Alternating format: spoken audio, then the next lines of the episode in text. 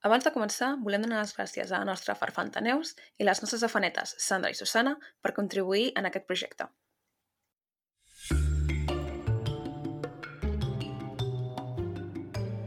Benvinguts a Malandre Criminal, el podcast on comentem documentals de crims de la manera més cutre possible, perquè no sabem fer-ho millor. Jo sóc la Carla. Jo sóc la Marta. Jo sóc la Clara. Què expliqueu? Doncs poc... jo és que no tinc res... La veritat, no tinc res a explicar avui. No he fet res més que donar-li el xapo, com diem aquí a casa. Treure terres, vull dir, no hi ha res interessant. Home, sí, no? No dius que trobes ossos.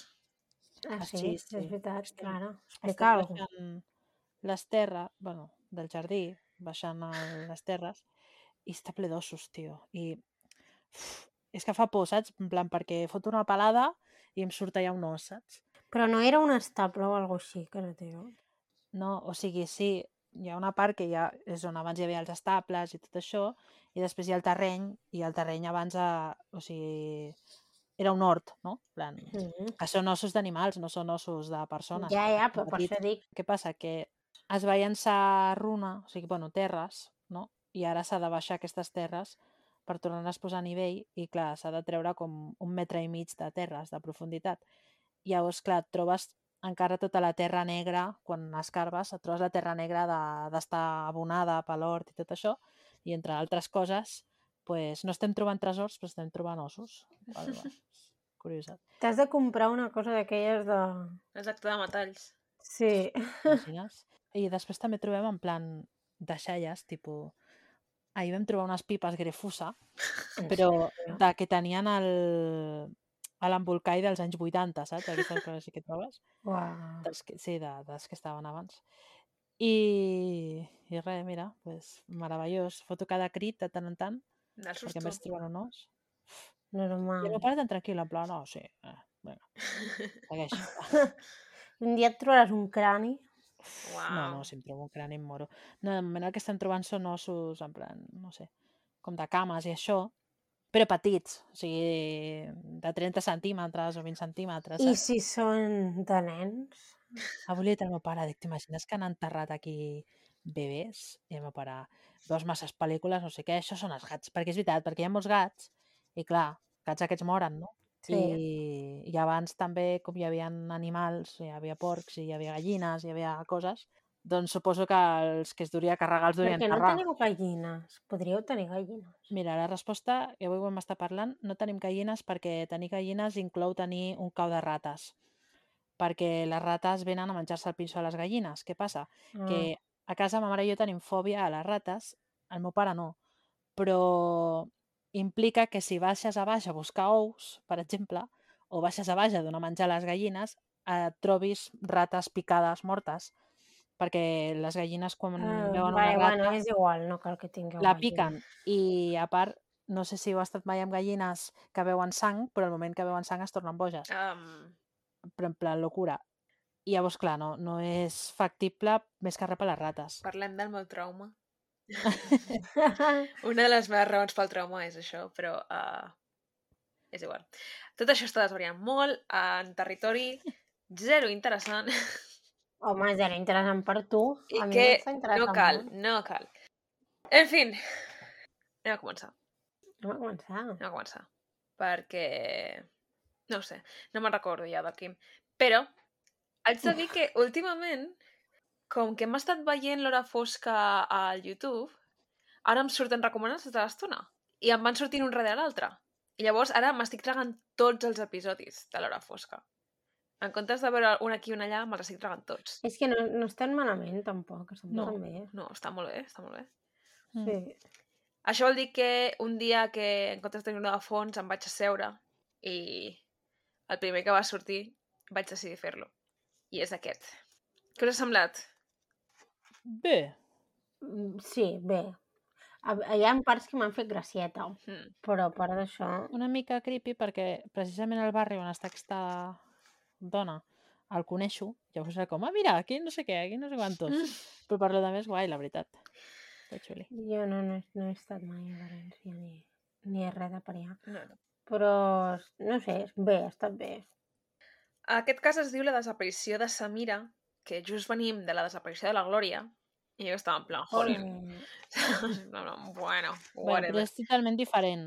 Però sí, sí, és, és totalment diferent. Per sort, eh? Té Perquè... com les seves coses, no? Sí, De- Perquè amb, Com peculiaritats. Sí, però diuen la desaparició de la Glòria i en plan és una desaparició com la de qualsevol persona a la que hagin matat.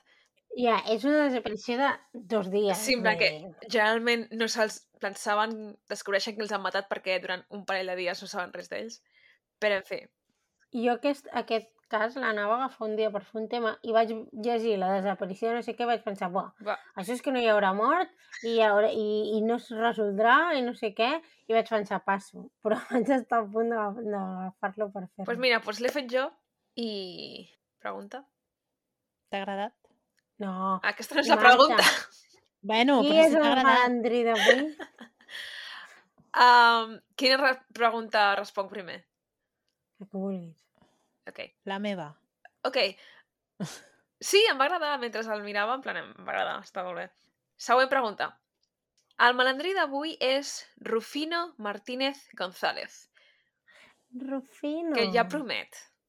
Sí, és La que és que jo Rufino és quan he dit bon el nom he pensat, cuidao, cuidao amb el Rufino, que se viene.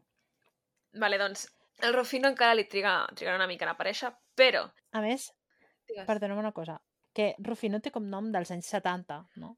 I et Sí. dones compte que aquest cas és com del 2005. És com que fa més gràcia encara. No, com del 2005, no, és del 2005. Ah, mira.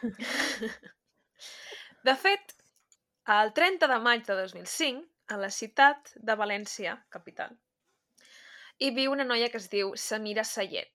Sayed, Sayed? Sayed? No tinc. Sayed. Sayed. Sayed. Ok, Sayed. És una noia que té 28 anys i està estudiant algo, crec que no ens diuen el què. No, no ho O no ho diuen. Està a la universitat, Sí, estudiant. està... I es mou per la zona universitària, no? Normalment acaba classes i se'n va a dinar a casa dels seus pares, on també hi viu el seu germà Jordi, que està a prop de la uni. Molt bé, Molt bé, correcte. molt correcte. Ella no viu amb els seus pares per això, però passa molt de Però temps. quasi com si visqués, eh? Perquè diu una que va a dinar i a sopar cada dia. Sí. Vamos. Clar, així es pot permetre el pis. No paguen menjar. Bueno, Ah. i de fet el pis és de la família, o sigui, no, tampoc el També, paga. saps? També. El 2 de juny de 2005, el pare denuncia la desaparició de la Samira. El 2 de juny de 2005, jo feia 10 anys. Oh... Moltes felicitats. pues pensa que el dia del teu aniversari, que tu estaves allà tan feliç, una pobra noia, va pobra, desaparèixer. Carla, no li diguis això. Sí. Uh, no recordo... Crec que li és, li és igual, eh? Tampoc. Sí, vull dir, No, m'ha fet... gra- no ho fes gaire. No, m'ha fet gracieta. En plan, que fos el mateix Igual li ha fet il·lusió i tot. Mira. Però és que no recordo què estava fent jo el 2005. Però no te'n recordes del teu aniversari dels 10 anys? No? Jo sé. Jo sí, perquè em van portar a Euro Disney. Bueno, vale, no tothom va tenir la infància que has tingut tu, Carla.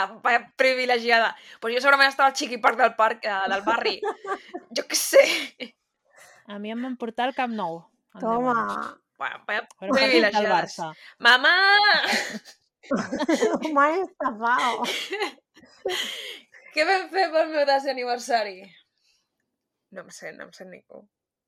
Vés a mateix. Tinc un record genial del meu desè aniversari i un record horrorós del meu desè aniversari. Jo també. Pues mira. Bueno, horrorós tampoc, però... jo sí, horrorós, no. perquè la... Anem a canviar de tema. Qui està explicant històries no. aquí? Vosaltres o jo? Jo. No, és el meu moment. aniversari. És el meu desè Deixa'm- aniversari. Marta, deixa'm explicar perquè la gent no ho faci. O sigui, a la meva àvia no se li va acudir res més que regalar-me davant de tota la meva família els meus, els meus primers sostens. vale? Amb 10 anys. I llavors, ja em coneixes que a mi les coses em fan vergonya en general. Doncs pues clar, davant de tota la família, regala'm el meu primer sostén, que aparentment és un ritual, a tothom li fa com Sí, molta sí, il·lusió, eh? regalar un sostens, jo què sé. Pues va ser bastant horrorós. O sigui, li tinc un trauma als sostens dia. Sapigueu. Però res, no ho feu. No, no cal que... Davant... Vull dir, podeu comprar sostens, però no cal que sigui davant de tota la família. I pot ser Però més, privat. va ser en plan, oh, saps? Que I gran! tothom, ja és una dona! Sí. I jo amb la meva samarreta del Barça en plan, ah, suda els cojones a mi això, què és esto? A veure, On ens havíem quedat? Ja m'he perdut. Vale, el pare denuncia la desaparició de la Samira i proporciona la descripció, no?, i tal, i diu que fa uns dies que ni ve a casa a visitar ni contesta el telèfon, eh, en concret fa quatre dies, no?, des del dia 30. I explica que des de el dia 30, que van tenir l'últim dinar, després de que ella vingués de classes, ella va marxar després de discutir-se amb sa mare. No ens diuen de què, però diuen que va marxar enfadada. Hauria sigut més èpic si fos l'últim sopar. Doncs pues no, és l'últim dinar. Super trist, la veritat. La qüestió és que d'allà es va emprenyar amb sa mare i va marxar al gimnàs, vale? que és l'últim lloc on se la veu. Llavors, s'adonen que la Samira no es va endur ni cap tipus de document, no es va endur el monedero, no es va endur diners i tampoc es va endur el seu audiòfon, perquè la Samira tenia una mica de sordera. Tenien, diuen que tant ella com el germà pues, tenen aquesta... M'agrada molt perquè diuen tenen una discapacitat xicoteta. Sí, va fer molta gràcia a mi també. Eh, bueno, la qüestió és que sí, necessita un audiòfon per sentir bé o millor, però que no li impedeix fer vida normal. En plan, no és sorda. Mhm. Uh... Jo del pis ja ho he dit. Avui vaig en paper, perquè no m'ha donat temps a passar-ho a l'ordinador. I tot això es donen compte de que no porta moneder o no porta diners i no porta audiòfon quan registren el pis de la Samira i a causa d'això i el fet de que no falta roba, les maletes que té la Samira i les bosses estan a casa, doncs diuen, això no ha sigut una desaparició voluntària. A més a més, els hi, els hi sembla molt curiós que just el dia abans la Samira comprés bateries o piles o el que sigui per l'audiòfon i que estiguin tots allà. Vale. Quan porta dues setmanes desapareguda, els pares reben un, una trucada o uns missatges, no m'acaba molt clar si era una trucada o uns missatges, però és anònim, dient que la Samira està a Chiva i que està perfectament, que tal i qual. Llavors, doncs, ells demanen col·laboració ciutadana de la gent de Chiva que pengen molts cartells i, i doncs, sí que els ajuden, no? I la investigació es trasllada a Chiva, però no troben, no la troben, no troben res, no la troben ni bé ni malament, no troben res. Tampoc són capaços de trobar d'on ve la trucada anònima, en plan, no són capaços de trobar qui va fer aquestes trucades, o sigui que... I no ho tornem a visitar, o sigui que... Però no, no diuen res més. No, no, no, a no ho tornem a visitar, això. I- No sé, És raro. podrien aclarir-ho. Llavors, què fan? Bueno, anem a investigar la vida privada de la Samira. Expliquen que la Samira sortia bastant sovint de festa. Molta gent la coneix de bars, cafeteries i tal, i a principis de 2005 comença a relacionar-se amb gent que als seus pares no els hi mola gaire. Que jo assumeixo que d'aquí va venir la discussió amb sa mare. De que la gent amb la que estava juntant en els últims mesos eren qüestionables. Home, qüestionables quanto menos, eh? Perquè Ja veurem. vaya, vaya penya. La policia parla amb un exnòvio, que es diu Diego, que expliquen que tenien, van tenir durant anys una relació d'aquestes de ara estem junts, ara tallem, ara estem junts, ara tallem, i que segons amics d'ella, després de que la Samira tallés la relació definitivament l'any anterior, ella estava com bastant obsessionat en que havien de tornar a estar junts i intentant convèncer-la que tornessin a estar junts, no? Vamos, l'ex pesat. Sí. A més a més, no vol col·laborar amb la policia. Al principi de tot, el Diego aquest no vol saber-ne res. Llavors, doncs, van com bastant a per ell. I se n'enteren de que el dia que va desaparèixer la Samira va faltar la feina. És com, bueno, tio, saps? Ja, eren moltes Tens casualitats, eh? tots els números. Sí, igual per això no podia parlar amb la policia. Però llavors descobreixen que sí que tenia una raó per faltar, mm, no diuen el què, i doncs, ja no segueixen aquella línia d'investigació. I arran de la investigació d'aquest noi, descobreixen que tots junts, o sigui, igual va ser ell qui li va introduir a la Samira aquest estil de vida, perquè solien freqüentar bars on rula molta droga. Llavors, clar, doncs la policia va a aquests bars que són coneguts perquè rula molta droga entrevistar clients, entrevistar els cambrers i tal i qual. I els diuen que la Samira consumia hachís amb freqüència i que de tant en tant, quan sortia de festa, consumia cocaïna. El qual, doncs mira, doncs, Bueno, mira, si fa il·lusió. sí, tu sabràs. La policia demana els registres dels telèfons de la Samira. Telèfons en plural perquè en té dos. No expliquen mai per què. O sigui que, ni idea. Ja, eh, és, és que, no sé, hi ha moltes coses que no tornen a explicar. Que es queden una mica penjades. Jo crec que això és el que on també li ha faltat una mica Mm. al, al documental.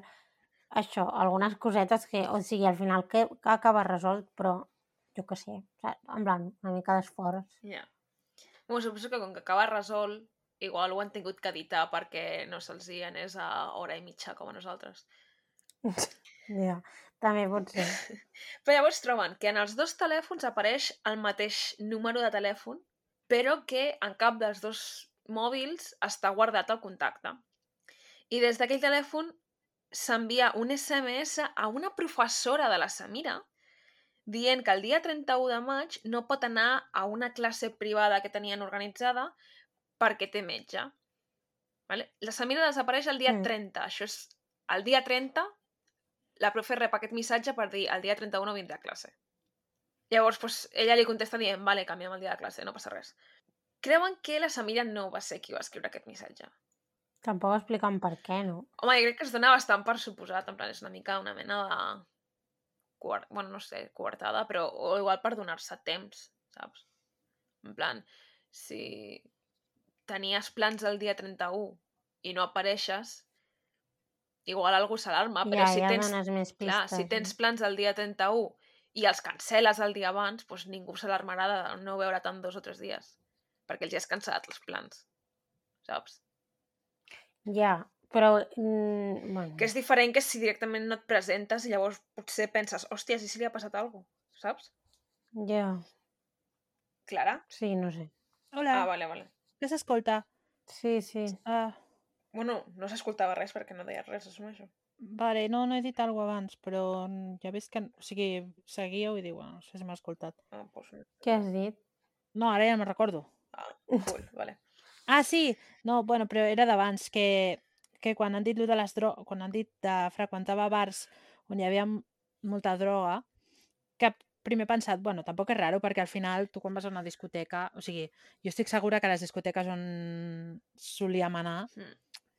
També també hi havia sí. molta droga, saps sí. què vull dir? Que, que no implica que, que siguis consumidora, no? Per anar No, però aparentment ella però sí que clar, n'era, eh? Sí, Sí, Sí, sí, després, clar, quan ho expliquen ja que sí, no? Però que al principi, quan comenten això, no he relacionat res que fos amb drogues perquè he pensat, "Buah, és que si sapiguéssim els llocs on anàvem nosaltres, on, on anàvem, la de Mm. droga que es mou a Sí. dins, eh, No, i, i jo he estat en bars on es veia clarament. Vull dir, sí, jolín, sí, sí, sí. I, bueno, una vegada estava en un bar que estava jo a la taula al costat del lavabo i era un festival allò. Sí, Saps què vull sí, dir? O sí. sigui, estàvem just Sí, a la taula sí. al costat del lavabo i era, era un festival. Que moltes vegades s'assumeix que els bars on es mou molta droga són bars que ja saps que es mou molta droga, saps? O sigui, hi ha els típics bars que no hi entres, no? Mm. Però moltes vegades són bars molt normals Sí. de copes de, de tothom. Sí, va, En fi, res, era només això, però ja et dic que és que era fa 5 minuts. sí. Que si en vols aconsegueixes, vull dir, dona igual. Sí, sí, sí. De fet, quan surts a fora de la discoteca, si no te'n passava un dient t'oferint-te coca, no... Bé, A mi m'han preguntat més vegades si tenia coca que oferir-me'n, t'haig de dir. Uau. Marta, A tens mi- cara de camella. Més d'una vegada m'ha vingut gent random a preguntar-me si tenia pastilles. I jo, Uau. no? No, no, a mi moltes vegades m'han vingut a oferir. No, a mi oferir, ¿Quieres coca? I jo, no. És que... a oferir crec que mai. Sempre m'han vingut a demanar gent que no conec. Bueno, mira, tens més cara de dealer que de...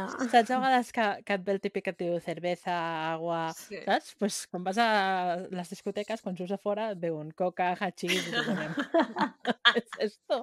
O sigui, descaradíssim. Què és això? Bueno, En fi. uh, on m'havia quedat?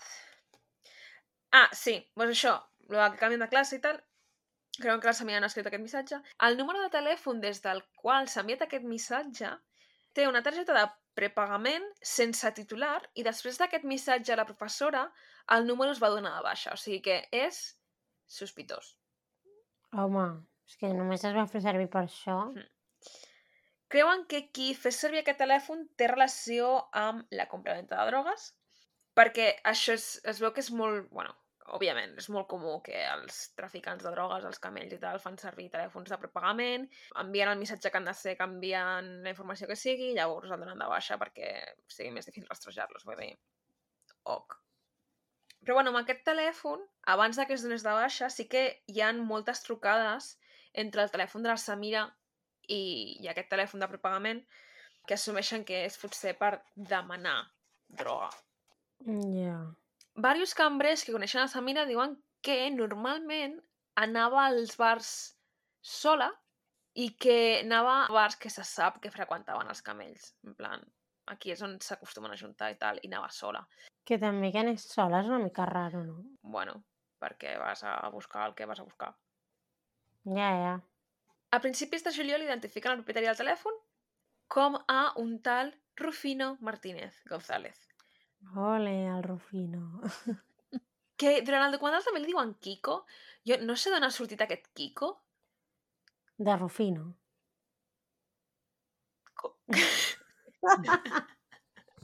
No, no sé. Com No, quin nom se suposa que és Kiko, normalment? Joaquín, no? No, Kiko no és Joaquim? És... Sí, Federico. Francisco, és Fe... Francisco. No, Federico. Federico. Kiko és Francisco. A veure. Aviam, el Kiko Matamoros, Francisco Matamoros, el Kiko Hernández, Francisco En el Hernández. que posa Federico. Que no, home. El fill del, de la Pantoja Igual també és es varios. Francisco. A veure. Kiko. Fill de la Pantoja, el Kiko. Eh, Nombres de niño. Forma corta de Francisco. El meu avi es deia Francisco i ningú li deia Kiko. Bueno, perquè és una opció, no una obligació, Marta. Veus, el Kiko Rivera, que és el fill de Li la deien Paco. Francisco. Francisco és Paco. Ah, mira, sí. voleu saber què significa? Què? No. Francisco. Què? Aquel que ha sido liberado. Oh, wow. Hòstia, com el Francisco Franco, no? Ajuntamiento. O, o com va això? és que vaya mierda de... Què és això? Quina broma és Hòstia, i al final, al final de la pàgina web et surt un dibuix amb, amb el nom i un dinosaurio. I te'l pots descarregar per pintar-lo. Oh. Vaig a buscar el meu nom, com un dinosaurio. No, és, és nom de nena, segur que serà en plan una floreta. No, poseu un dinosaurio. No es diu Francisco, el papa que hi ha ara? El papa sí, el Paco. Francesc. Doncs pues el Kiko. Ala, és un gat amb una, amb, amb, amb una papallona. Veus, t'ho he dit. Kiko. Ai, sort tu gat, eh? En fin, descarrega-te del Kiko, Carla, si vols pintar el dinosaurio. No, crec que puc trobar dinosaurios millors. Eh, Marta, Què? posa ¿qué significa el nombre de Kiko? Y posa Paco, como Pancho, Kiko y Curro, es un diminutivo familiar de Francisco. O sigui, m'ensenyen Curro, Currito, com, el, com el com es diu aquella sèrie? El Currito, eh, Pancho, Kiko... Pancho. Caca. Paco, Meu avi era Paco. En fin, Currito de los Serrano. vale, és igual. Um, li direm Rufino perquè és més graciós. Clar, Vale. Sí. Rufino, El Rufino Rufino. té 34 anys. Què té de graciós, això? Que ben... que no sé per què quan està pensant en Kiko i en les pip... Bueno, és igual. Què? Què has dit? Que he començat a pensar en el Kiko i llavors he pensat en les pipes. Però per què? He tingut un dia molt intens, no ho teniu en compte. Mira, és Rufus en anglès, Rufino. Un conec de Rufus. Ai. Quina gràcia. En fi, Bueno, a veure, anem, anem a seguir. Anem a seguir. El Rufino... Potser que em donarà l'atac de riure. Bueno, segueix, segueix. que ja... perdoneu. És que el- nombre original és Titanus, com el, el de la pel·lícula. I ara m'estic imaginant. El Titanus. Vale. Bueno, el Rufus té 34 anys, té antecedents Ui, per... Tra... El Rufus no.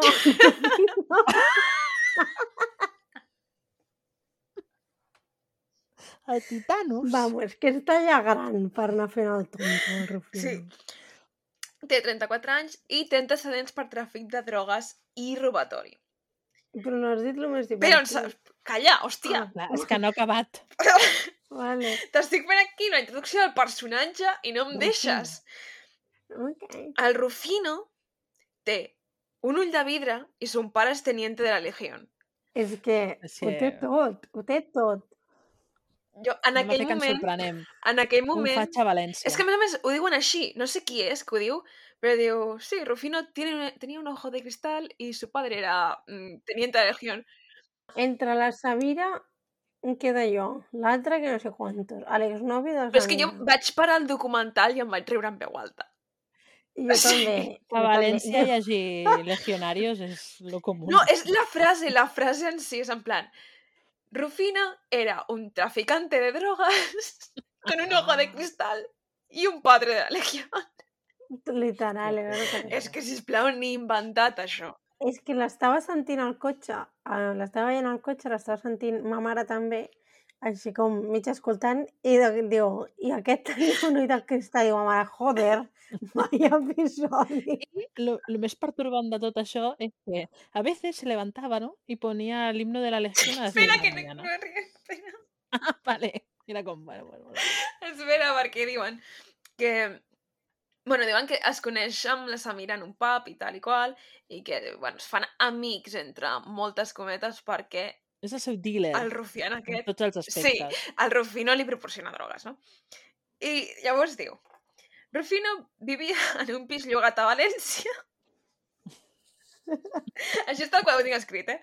I els seus veïns estan una mica fins la polla d'ell perquè de tant en tant posa l'himne de la Legió a les 3 de la matinada a tot trap fins a les 8 del matí. Una cosa, el himno de la legión no és la cançó que hi ha de Somos los hijos de la muerte, perquè Sí, jo no? estic a les 3 del matí mig tirs al llit i començo a escoltar Somos, que clar, m'hem de donar algo. Però ens, de les 3 del matí a les 8 del matí. Són 5? No, no, Alme- en, és que... En plan, seguit, sense posar res Deu, entremig. deu tenir una playlist en plan de la cançó 3 milions de En vegades. bucle, en bucle. Està a Spotify, aquesta cançó. L'haurien Sí. de posar. La legión Greatest Hits, no? I Això, tens un el cara al sol, aquesta, los hijos de la muerte. aquesta cançó és de domini públic. Home, i tant. O, o em Home, faran, ha de ser em faran pagar copyright, si la poso. Anem a posar-la. No, pff, Himno d'Espanya, himno... Uf, és Que que no, no, vull home. que surti És- això al meu es diu-. El novio, hijos de la muerte. el novio de la muerte. el novio de la muerte. Soy el novio de la muerte. Sí, sí, el novio de la muerte. Crec que no l'he escoltat mai. No, Marta, però és que la teva primera entrada al novio de la muerte ha de ser el vídeo. Oh, no. Perquè, no, no, Crec has de veure el vídeo mai. de la processó del novio de la muerte, que riuràs.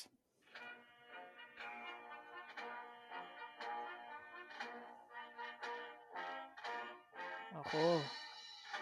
Té lletra, això, o què? O tampoc? Sí, sí, que canten ells. Espera. Ah, espera.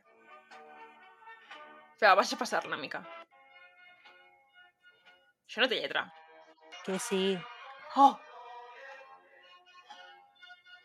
Em pixo perquè... Sabeu a Spotify que si el dones a baix et surt la lletra de la cançó? Sí. Doncs pues també em surt. Ara et sortiran música Murmurió el legendario con voz doliente. Soy un hombre a quien la sí, suerte sí. hirió una zarpa de fiera. Soy un novio de la muerte. ¡Qué Sí, sí, poètic! sí. És que, escolta... Escolta'm, i tot això ho canten mentre porten el Cristo en braços. Un segon, un segon, un segon, un segon. Cuando al fin le recogieron, entre su pecho encontraron una carta y un retrato de una divina mujer. Y aquella carta decía, si algún día Dios te llama, para mí un puesto reclama, que buscaré pronto iré. Ok. Però no deus una foto de la algo. Me hice novio de la muerte, la estreché con lazo fuerte y su amor fue... ¿Fue mi? ¡Bandera! Ah, sí, su amor fue mi bandera. Oh, ja veuràs. Ja, Porten el Cristo, tot el meu algoritme a la puta merda. Sí, porten el Cristo i mentre estan passejant i cantant això, allà amb el pecho descubierto, eh, el president d'Espanya, el ministeri, i a tiesos com un cagarro veient tot l'espectacle. És que Sí, això és el, la merda de país en el que Ai, vius. favor. Però això és quan, en aquest dia és el, el dia en què s'estampen contra faroles i coses No, això és un altre, és que això és la Ah. hispanidad, Això és la Són Es- tantes coses. Però el dia, el dia de l'Espanida d'això no ho canten, llavors? No, a l'Espanida se la celebra que vam matar a milers de persones Sí, ja, ja, ja. en una neteja ètnica. I la cabra quan surt? La cabra surt el dia de l'Espanida a celebrar que es va carregar Però llavors, persones. això quan ho canten? No, això és per Setmana Santa i coses així. Setmana Fan, Santa. surten, mira, eh, surten del quartelillo, que jo ho he vist Però això perquè què van amb a els, surt. amb els trajes de Ku Klux Klan? Hijos de... No, No, van vestits de Però legionaris. això és, això és, un, això és com una part de l'exèrcit, no? O algo així. Sí. Sí, són els més notes. O sigui, els de Sí. la legió són els més notes. Els que ells que Són els kamikazes. Amb els, Sí. amb els Hòstia, presuntament tot uniformes. això, eh? Presuntamente. En fi, Això surten, surten a per Setmana Santa. la carella serà poca. Surten a Setmana Santa, em sembla que a, a Màlaga. I, veus? Eh, Sí. I és el, el Cristo de algo, Cristo de Mena, em sembla, o així. Sí, sí. I va, eh, bueno, és especialíssim. Només eh? canten això una vegada a l'any? Poc amortitzada està la Jo crec que sí. I aquesta merda té lletra i Per, l'himne per no. això l'amortitza el Rufino, eh? Que se sap. És que... A part de que, imagina't, si això ho canten una vegada a l'any, la majoria de veïns segurament ni tan sols sabien el que estaven escoltant. No, però tu imagina't que a les 3 del matí no et ve més de gust que escoltar eh, Això. El novio de la muerte. Sí. O sigui, increïble, eh? El nivell de la muerte i després reggaeton. Què preferiries? Us vaig a passar el vídeo perquè després el veieu. Uf. Vale, bueno, bueno. A més a més, no es queda en posar el himno de la muerte, no, el, el himno de la muerte, no, el novio de la muerte, a tot trap, sinó que es dedica a explicar-li a tot Cristo les històries sobre son pare a la guerra, com si les estigués vivint ell, com si fos ell, plan, superorgullós, no? Estava frustrat perquè no el durien deixar entrar a l'exèrcit, resumint. Clar, és que amb un ull de vidre no pots. Clar, Segurament no va poder fer ni la mili. Ja. clar. És que... clar, pobra, eh? Ha fallado su patria. Clar. Condena. La policia el cita per prendre-li declaració i no nega conèixer-la, però diu que només la coneix de vendre-li droga i que alguna vegada pues, havia anat a casa seva, la Samir, la Samir havia anat a casa del Rufino a buscar droga, però que ja. I aquesta era tota la relació que tenien. Però tot apunta a que hi ha alguna més.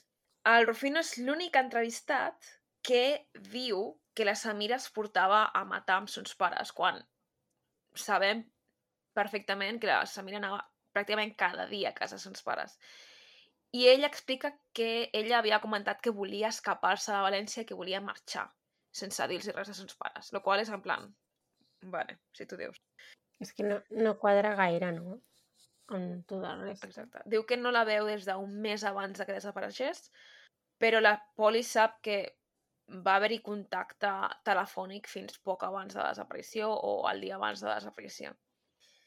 Llavors li fan una mena de seguiment, però res dona gaire resultats. Quan porta dos mesos desapareguda, torna a prendre-li declaració a Rufino. Però, bueno, és una mica incoherent tot el que Caòtic. sí, és una mica, sí. I els dona la sensació que els està ocultant informació. Llavors, el 27 de juliol de 2005 van al pis de Rufino. No entren al pis, però se l'enduen a la comissaria, no? I veuen que Rufino està molt nerviós, està suant, i a la comissaria li diuen que estan demanant una ordre de registre pel seu pis, i llavors és quan Rufino decideix confessar que té drogues a casa i que estava nerviós perquè té drogues a casa. I que, que no no ho Com sapigués. si, sí, bueno, ok. Hoy he de confesar, ¿no? Sí, és com... que tengo un poco de coca. Sí, un poco de coca són 37 quilos de hachís i uh, cocaïna, o sigui, un poco. Que Déu-n'hi-do. deien que té com 70 170.000 euros. en droga. 170.000 euros en drogues al pis. Això és molta pasta, eh? Sí, però clar, la poli està en plan, bueno, chaval, gracias, pero no ens interesa. O sigui, hemos venido a otra cosa. I a mi li així, li diuen, bueno, anirem igual, Una cosa, m'ha donat tots els vibes del Paco Fiestas quan li diuen Lo sabemos todo de ti. Llavors, quan li diuen, bueno, xaval, que sí, que sabem lo de les drogues, però ens la sua, entrarem al teu pis igual, no és el que anem a buscar. Ell diu, bueno, bueno, espera, que me he acordado de la otra parte de mi confesión, que és que la Samira es va morir a casa meva. Ah, I ja? vale, bueno, està bé. molt bé. I els policies amb l'emportem Dos mesos. Dos mesos preguntant-te. Mm. A més, és graciós perquè diu, mira, me acabo de acordar, Sí. ¿no? Se me murió aquí una. Com si fos tan normal que t'oblides. En fi. Una jeta. tornen al pis amb Rufino i el pis està molt desordenat, molt brut i tal, i ell els indica una habitació que està precintada amb, amb cinta aïllant i que la cinta està amb les... Ai, la cinta. I que l'habitació està amb les persianes baixades i les fosques, no? Per tant, des de fora no es veia res. Treuen la cinta aïllant, obren i dins hi ha un llit i sota els llençols hi ha un bulto i quan miren sota els llençols el que troben és un tronc i una cama. Es diu tronc, oi? Sí. Sí. Sí. Perquè anava a dir, no un tronc d'un arbre, no. Un tronc i una cama. Troben una serra, un cubell i un tros de braç. No un braç, un tros de braç. No sé què significa això, no sé quina part del braç és un tros de braç. Això podria ser qualsevol cosa. Eh? Totalment. Embolicat en paper film. Com si l'anessis a congelar. Saps? Bueno, Clar, òbviament, doncs, arresten el Rufino. En, plan, en sèrio t'acabes d'en recordar que se't va morir? ningú s'ho esperava. I s'acaba d'en recordar, eh? Bueno, fa l'aixecament del cadàver, no? Recollen mostres, testimonis dels veïns... Un veí declara que va escoltar una discussió la nit dels fets a casa de Rufino, però que va dir, esto no va conmigo. I declara que la discussió és perquè... O sigui, Rufino diu que la discussió va ser perquè ell volia mantenir relacions sexuals i ella no. Sorpresa. Clar. La primera versió de la història és que estan al pis i tal, i en algun punt ella surt despullada al replà del pis perquè estaven a punt de mantenir relacions sexuals, llavors, mm, com que li donen a neure, i ella diu que no, i surt despullada al replà del pis, i ell, ell l'agafa i l'empenya un altre cop cap al pis, perquè què fa sortint despullada al replà, no? Troben sang de la Samira al menjador, i diuen, vale, pues segurament per com està la sang a les parets i tal, això és d'un cop. La Samira es va morir al menjador d'un cop al cap. bueno, no ho saben si és d'un Mm. cop al cap, perquè no el tenen al cap. Tenen només el tronc i la cama i un tros de braç. Llavors, ell diu que ella, ell no li va donar cap cop, sinó que en plan es van discutir el que sigui i en un moment pues, ella es, es va morir. Vale. I diu que es veu amb el cos i porta el cos a l'habitació, la tapa perquè no sap què fer i se'n va a dormir. Ya mañana ¿no? lo decido. Ja, Lídia. Es que és fascinant. Segurament és quan se'n vagi la ceguera ja li direm això. Increïble. No, es posa unes quantes cançons a la ficció Sí, i després ja, mentre es medita. increïble. El dia següent decideix que no pot dir a la policia que la Samira s'ha... No que l'ha matat, sinó que s'ha mort, s'ha mort sola. A casa seva perquè... Clar, té tanta droga al Aviam, pis... per raons òbvies. Clar, té tanta droga al pis que... Mm, pues serà un follón i creu que és molt menys follón desquarterar-la i desfer-se del cos a poc a poc. Que... Vaya, vaya jeta. És que és horrible, És que jo tio. me l'he imaginat, o sigui, cantant el, la nòvia de la muerte i nassarrant, eh? Sí, segur. És que té tota la pinta. A mi, és que quina història m'estàs venent de... És que mm, e- era més convenient desquarterar a una persona que s'ha mort, segons la seva història, per accident a casa meva. En plan, Sí, jo per com, que- com ho deien, o sigui, per com ho deia que, que ho explicava ell, tenia la sensació que estava intentant vendre que li havia donat una sobredosis o alguna així, però ella soleta. Sí. Sí, I no sé, vull dir, veia excusa de puta merda, sí, sincerament. res. Perquè a més a més el tio compra uns guants de làtex, compra paper film, compra diverses coses que dius, veia psicòpata. Sí, van a fer la compra, Sí. saps? Mientras me lo pienso, no? Voy a comprar. I diu que durant dos mesos va tirant parts del cos a la, al, als contenidors. No? En plan, ara mira, ara una mà, ara un peu, ara... I així va fent. Vaya tela. Clar, què passa? Que si en dos mesos, a poc a poc, has anat tirant diferents parts del cos, és, és impossible trobar totes les restes. Perquè, vull dir, unes estaran en diferents estats de descomposició, unes estaran a, um, on sigui que acabi les escombraries, saps? Vull dir, eh, uf, Mm. No, no es pot saber. L'enterren, bueno, tot això, enterren a la, a la Samira Chiva perquè es donera a la mare. I Rufino va a Picassent. Picassent, que és la zona. Picassent és Vale, un sí, és poble. que és un poble. Bueno, és igual. Rufino accedeix a fer com una mena de recreació dels fets, vale? Au, al barri, no? El barri, el barri Picassent, barri que hi ha Picassent. Sí, sí. Sí, també, per això m'he quedat en plan, però se n'anava a un altre poble, sí, estaven a València, és igual. La qüestió és que, al març de 2006, o sigui, un any després, Rufino decideix canviar la seva declaració i diu que en comptes d'una baralla amb la Samira, que simplement la Samira es va desplomar mentre, man mentre mantenien relacions sexuals? A la primera versió no van mantenir relacions sexuals, en aquesta estaven mantenint relacions sexuals tan tranquil·lament i ella simplement es va desplomar i la resta sense el mateix, que no volia trucar a la policia, bla, bla, bla, bla. Llavors, clar, si li fan una bona defensa,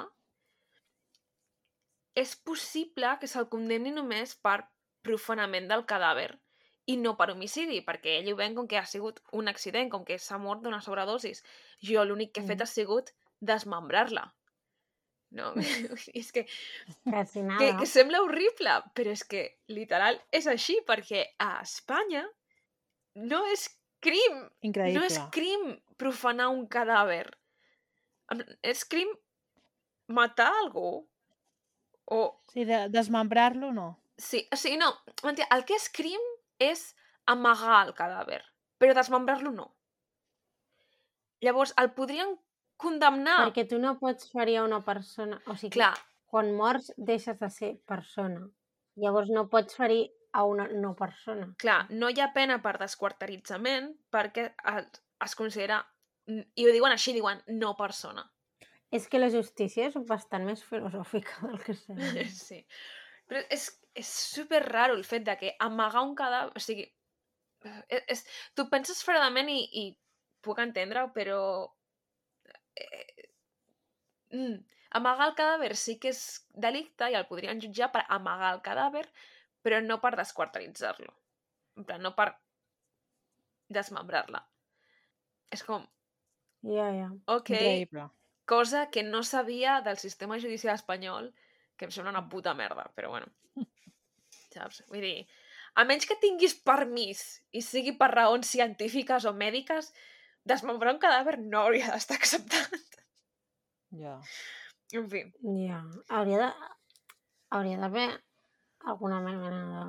No sé, sanció o d'alguna manera, perquè és que... clar. T'imagina't que, jo què sé, O canviar la concepció del que és una persona. Clar. Clar, és que Ja. és... impacta molt quan et diuen, bueno, és que és... la Samira en aquell moment era una no persona. clar, és que en dius, veritat té perdona? sentit. Em- Sí, té sentit, però a la vegada dius, escolta'm, mm, hola, Mm. digue-li això als familiars de la víctima. És com, perdó? No. No sé. Què passa? Que si se'l condemnés només per amagar el cadàver, la pena és bastant ridícula, perquè és de 3 a 5 mesos de presó, que sabem que aquí amb tan poc temps no entres No a presó, no ingresses a presó, i una multa de... no sé exactament quan diuen, una multa. A més, uh, l'advocat de la família diu, i, i m'he apuntat textualment, diu, la pena és ridícula. Sí. I fet molta gràcia.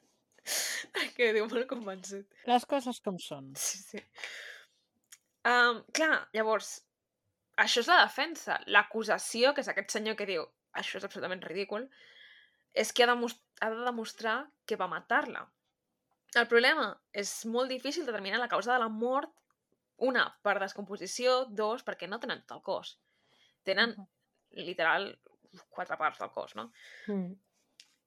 falta el cap, que és on el forense que apareix diu, clar, si es va morir d'un cop, el més segur és que es morís per traumatisme cranioencefàlic i sense el cap és una teoria, però no puc demostrar-ho, no? Mm.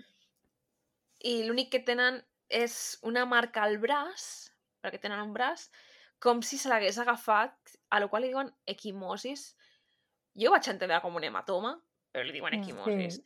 La qüestió és que té una marca com si algú l'hagués agafat fort del Però és braç com un blau. per ja retindre-la. està. Clar, sí. No sé. A més a més, tenen les taques de sang a les parets, les esquitxades, que per la velocitat, la distància i tal, determinen que això és d'un cop, no és a que li sortís sang del nas. I l'advocat de l'acusació particular, o sigui, l'advocat de la família, demana fer un peritatge criminològic que intentaré explicar el que és, però no vaig acabar d'entendre. És una mena de- Jo d'informe. tampoc ho he entès gairebé. la És una mena d'informe, ¿vale? La qüestió és intentar decidir l'origen de la mort, la causa de la mort, sense tenir aquest cadàver, no? O, o les proves suficients. I hi ha un criminòleg que es diu Vicente Garrido, que apareix aquí, no? que és qui fa aquest peritatge criminològic. Llavors, ell entrevista, aquest criminòleg entrevista a Rufino, no? I, mm, bueno, pues, arriba a certes conclusions, com que la relació entre Rufino i Samira realment era bastant dolenta, bastant tòxica. Rufino li diu que, que la Samira era una mica rara i que actuava de manera imprevisible. I el criminòleg aquest, a la conclusió que arriba és que la Samira prenia les seves pròpies decisions, no deixava que li diguessin el que havia de fer o deixar de fer. I, clar, això inclús significava que li negava mantenir relacions sexuals si ella no li venia de gust. I això a ell, Uau. això al Rufino, pues, per ell era en plan, explotava el cap de, és que eres rara. Saps? Uau. En fi, Em pregunto com es prendrà algú fan de la Legió que algú li digui que no. clar, per ell això era, és que que tia més rara, saps?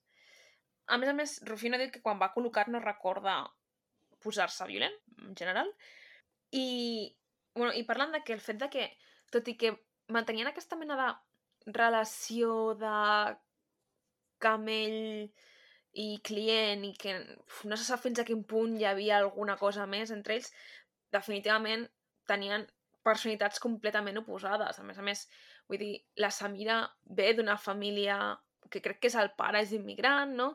Vull dir, Mm. Mm.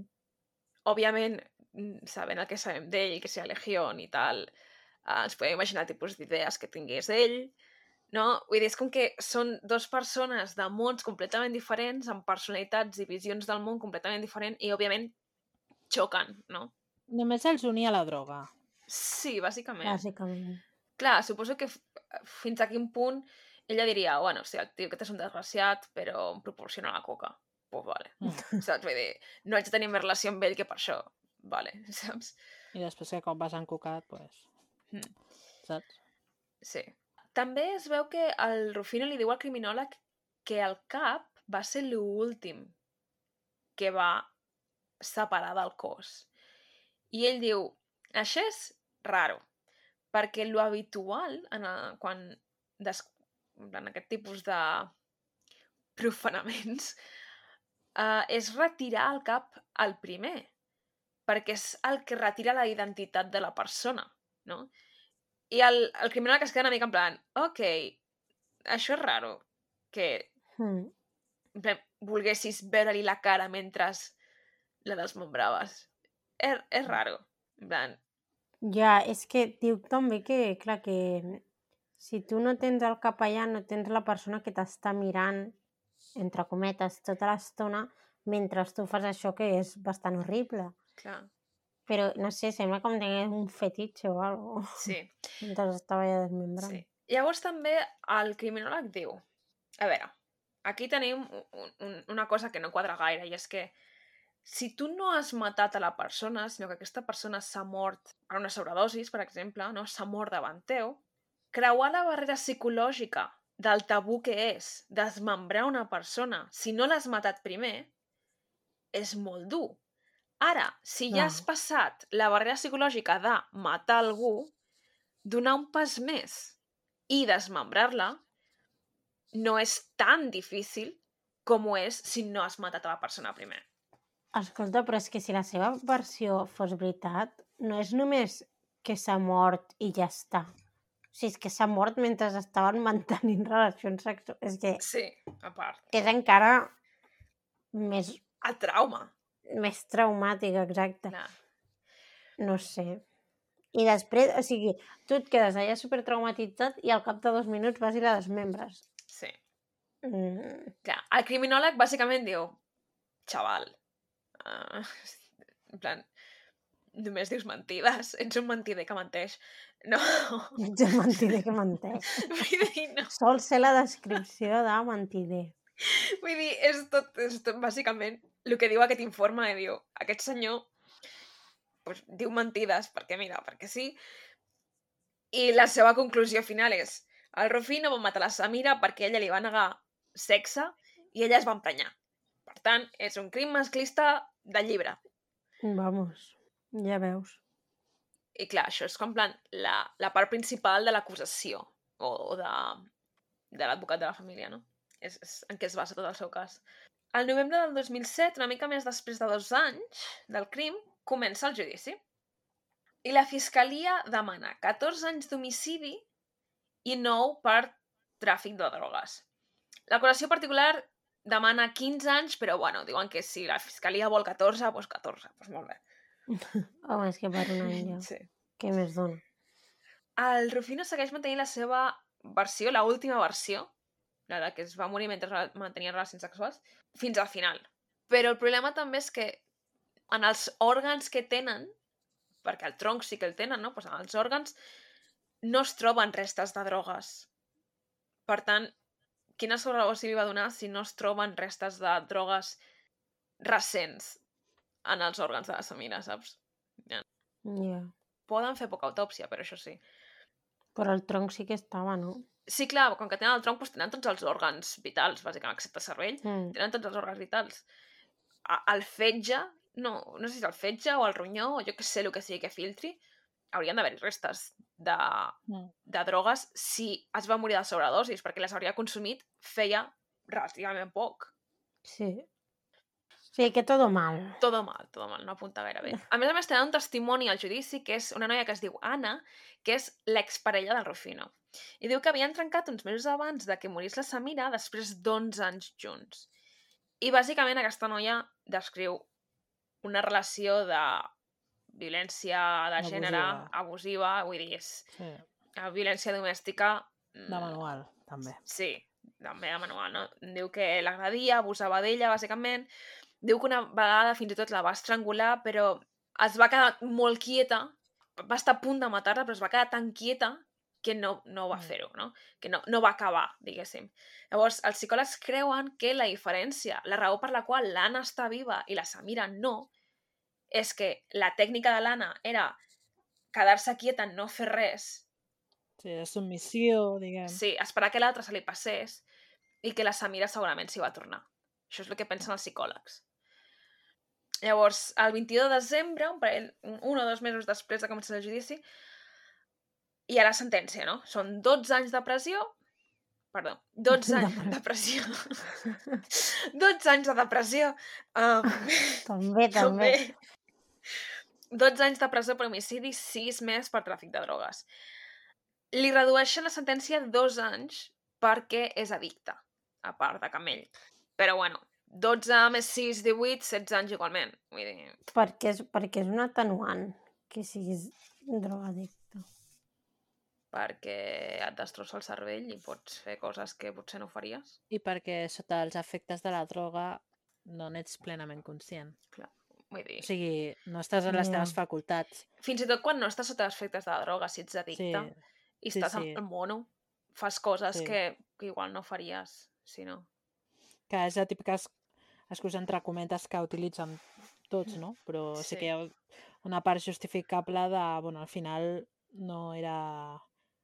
No, no eres conscient dels teus actes o, o sí, però estan provocats per això, saps? O ets molt més extrem per aquesta condició. Mm, Depèn de la droga, també. Sí. Et provoca uns efectes uns altres. I aquest és el crim d'avui. Ja, que ja està, ja s'ha acabat. Està bé. Pensava que el tema de la desaparició duraria més, la veritat. Ja, és que és això. Li van posar de títol de desaparició de la Samira, però és que, com dèiem al principi, la desaparició és una desaparició... Clickbait, eh? Sí, és una desaparició normal i corrent. Sí. Igual és perquè hauria ser famós a València. Igual, La, la desaparició d'aquesta noia i per això, pot ser, pot ser, clar. saps? Igual no estem prou ficades en la cultura valenciana. Clar, de crims, però és Sí. que crims A València en tenen per anys, saps? Tenen moltíssims. Ja, hi ha Sí. una bona... No se'ls acabarien. Ja. Però clar, també tenen moltes desaparicions, llavors clar... Sí. En fi, què més voleu dir? No sé, a mi el tema Rufino m'ha fet molta gràcia. Oh, és que, vaya M'ha personatge. semblat un personatge important. No he buscat, perquè 2015 ja deuen haver passat els 12 anys. Ai, 2007... Sí, sí que han passat. 2007, sí. 2007, si contem els quasi dos anys que ja va passar a presó, per tant... Són... Bueno, Rufino, eh, si mai sents això, tot això Presuntamente. presuntament, eh? Nosaltres no... No ens... No ens um, denuncis... Estaria guai saber si ja està fora o... Ho estic buscant. Ah, igual ha tornat a entrar a presó, eh, per una altra cosa. No, bueno, o sea, normalment. Bueno, Su- Rufino González Martínez, patriota revolucionario cubano. What? Vull dir, ni idea. 20 años y medio por matar a una joven y traficar. 20 años y medio, a mi em deien 12 i 6. No, 12, 12 i 6, no? Que 18. 18. Bueno, igual és sumant plan coses que hagi tingut de tràfic de drogues a part. Saps? Sí, sí, son... Mira, si a més a més aquí ho diuen, no saben comptar, 12 años ah, por homicidio y se añaden 6 años de prisión por un delito contra la salud pública derivado de la droga que encontró la policía en su casa. Més els dos de presó preventiva, Ah, vale, No? sí, pot no sé, eh? Però els de presó preventiva no se't descompten de la pena. Sí, Doncs ja està. Per tant, hauria de fer 16. sí, però igual, el, o sigui, de la manera com t'ho escriuen aquí, el, o sigui, el periodista ja els descompta aquest, saps? A més a més, d'aquests 12 més 6 li van treure dos. Menys el, els dos de pressió preventiva. Pressió, però... Estic fotent un lío. Bueno, no sé. Que ja haurà sortit. M'encanta perquè aquest article acaba amb Dijo que se murió de repente y se asustó porque tenía droga en casa y no quería avisar a la policía. I així s'acaba l'article. Bueno, veus? Prou. Ja està, tota la informació que necessites. Ras i curt. Això és el periodisme que valorem. Sí. Buah, el país. No sé què t'esperes. a ver, vaig a Poc. posar. Aún en prisión. Where are they now? uy, uy, uy, uy, uy, uy. Expediente personal del recluso. Ui, ui. On t'has fotut, Marta? Archivo General, región de Murcia. No, esto no es. Bueno, igual pot estar a la presó a Múrcia, eh? Ah, igual sí, a ver. Ah, no, això és antic. Fecha inicial, 1939. Fecha final, Quasi. 1933. Quasi, quasi. Per què hi ha tanta gent que es diu Rufino González Martínez?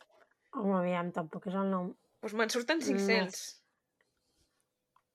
Ja. Dir, Martínez González és una combinació... Clar, el Ja. problema és aquest, eh? Rufino, bueno, però... Martínez El González. juez manda a la cárcel a Ignacio González por el saqueo del canal. Quasi. Vale. Eh, Independiente.es. Bueno, estic derivant ja. Sí. Uh, Carla, vols dir un emoji? Ah, eh, jo crec que, que l'emoji hauria de ser una cabra en honor al Rufino Sí, i a la Legión. voto a favor. Vale, em Veus? sembla bé. O sigui, la Clara està d'acord que ja és difícil. Vale, em sembla bé, em sembla bé. En fi. Fins aquí el programa d'avui. Sí. Què més diem normalment? M'ha agradat, Si us ha agradat? us heu entretingut. Hòstia, no me'n recordo ja, eh? Ens podeu trobar... Podria substituir per Somos...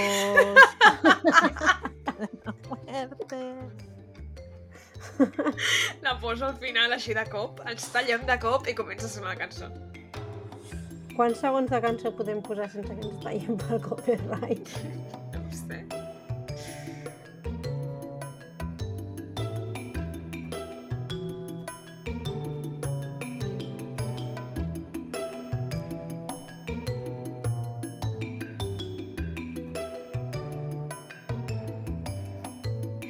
Fins aquí el programa d'avui. Si us ha agradat i us heu entretingut, podeu subscriure-us. Ens trobareu a Spotify, Apple Podcast, Google Podcast, iVoox i altres plataformes. Si voleu contingut extra, us podeu fer mecenes o fer una aportació a malandrí.aixeta.cat.